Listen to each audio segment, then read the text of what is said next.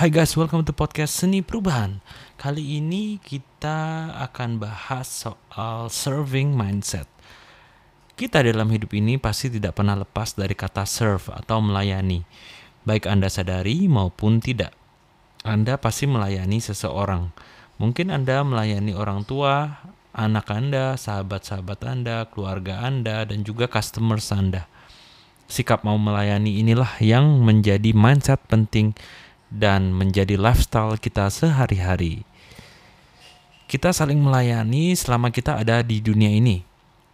Kadang kita dilayani, kadang kita melayani. Dari kita lahir, sudah pasti ada yang melayani kita, yaitu kedua orang tua kita yang tidak pernah lelah untuk selalu membesarkan dan memberikan yang terbaik untuk kita. Saat kita membeli barang pun kita dilayani oleh penjual. Begitupun juga sebaliknya, kalau Anda berjualan, Anda melayani customer Anda. Selama kita di dunia ini, melayani sudah menjadi gaya hidup kita yang seharusnya kita kembangkan dan menjadi prinsip hidup kita. Mempunyai surfing mindset akan memberikan kita manfaat seperti yang pertama adalah kepuasan batin dan kebahagiaan. Jika kita selalu saja mempunyai mindset ingin dilayani, maka Anda akan lebih sulit untuk mendapatkan kepuasan batin karena saya menyadari terkadang kebahagiaan juga berasal dari hasil sikap melayani kita. Bayangkanlah, saat ada orang yang terbantu karena produk atau servis Anda, mereka mengatakan, "Terima kasih banyak ya, Pak. Produknya dan servisnya sangat bagus sekali. Saya sangat senang dan bisa menyelesaikan masalah saya." Saya mendengar hal tersebut juga merasakan double senangnya. Ada kepuasan batin di sana yang tidak bisa dibeli dengan harga berapapun. Bayangkan Anda memposting sesuatu yang bermanfaat, melayani para pembaca blog atau para pendengar podcast seperti ini dengan menyuguhkan tulisan-tulisan ataupun karya-karya yang memberikan manfaat atau nilai tambah untuk mereka.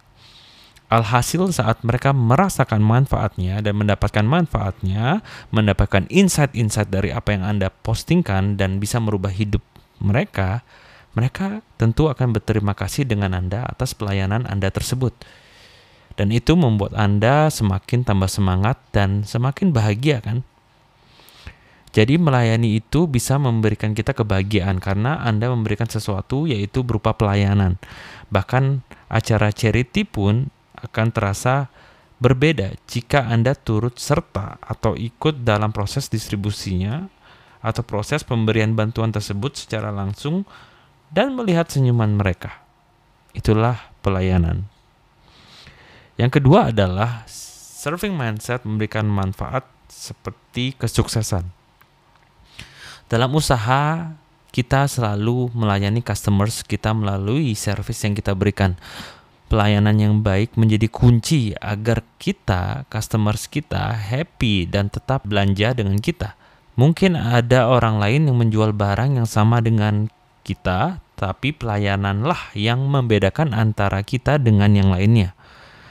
Dan customers akan setia dengan orang yang melayaninya dengan baik. Titik. Pernah nggak Anda belanja terus Anda dilayani dengan tidak baik, terus Anda kayak dalam hati, this is gonna be the last time I will never buy in that store anymore. Pernah dong? Atau kalian pernah dilayani dengan baik dan kalian bilang wow this is my favorite store. Setiap setiap kali saya membutuhkan produk ini saya akan membeli ke toko ini. Karena pelayanannya yang beda dan memang bagus. Jadi jangan mengecewakan customer selalu mencoba untuk memuaskan customer dan membuat mereka bahagia. Ketiga adalah sikap melayani Surfing mindset membantu kita dalam proses leadership atau kepemimpinan. Surfing mindset juga bisa diaplikasikan dalam sikap kepemimpinan kita sehari-hari. Ada yang namanya istilah servant leadership, di mana kita melayani tim kita agar mereka bisa berkembang dan menjadi semakin solid lagi. Kita tidak boleh hanya bisanya merintah-merintah mereka saja, hanya bisanya marah-marah ke mereka saja, tetapi kita tidak pernah memperhatikan dan bahkan mengajak diskusi apa yang mereka butuhkan agar bisa berkembang lebih baik lagi. Apa yang kita apa yang bisa kita lakukan di posisi sebagai owner atau CEO untuk membantu mereka agar bisa perform dengan lebih baik lagi. Nanti kalau kalian bertanya seperti itu ke dalam diri kalian, maka kalian akan bisa mendapatkan jawabannya. Contohnya memberikan training, mencontohkan caranya, berdiskusi ide-ide untuk perbaikan sistem dan lain-lain.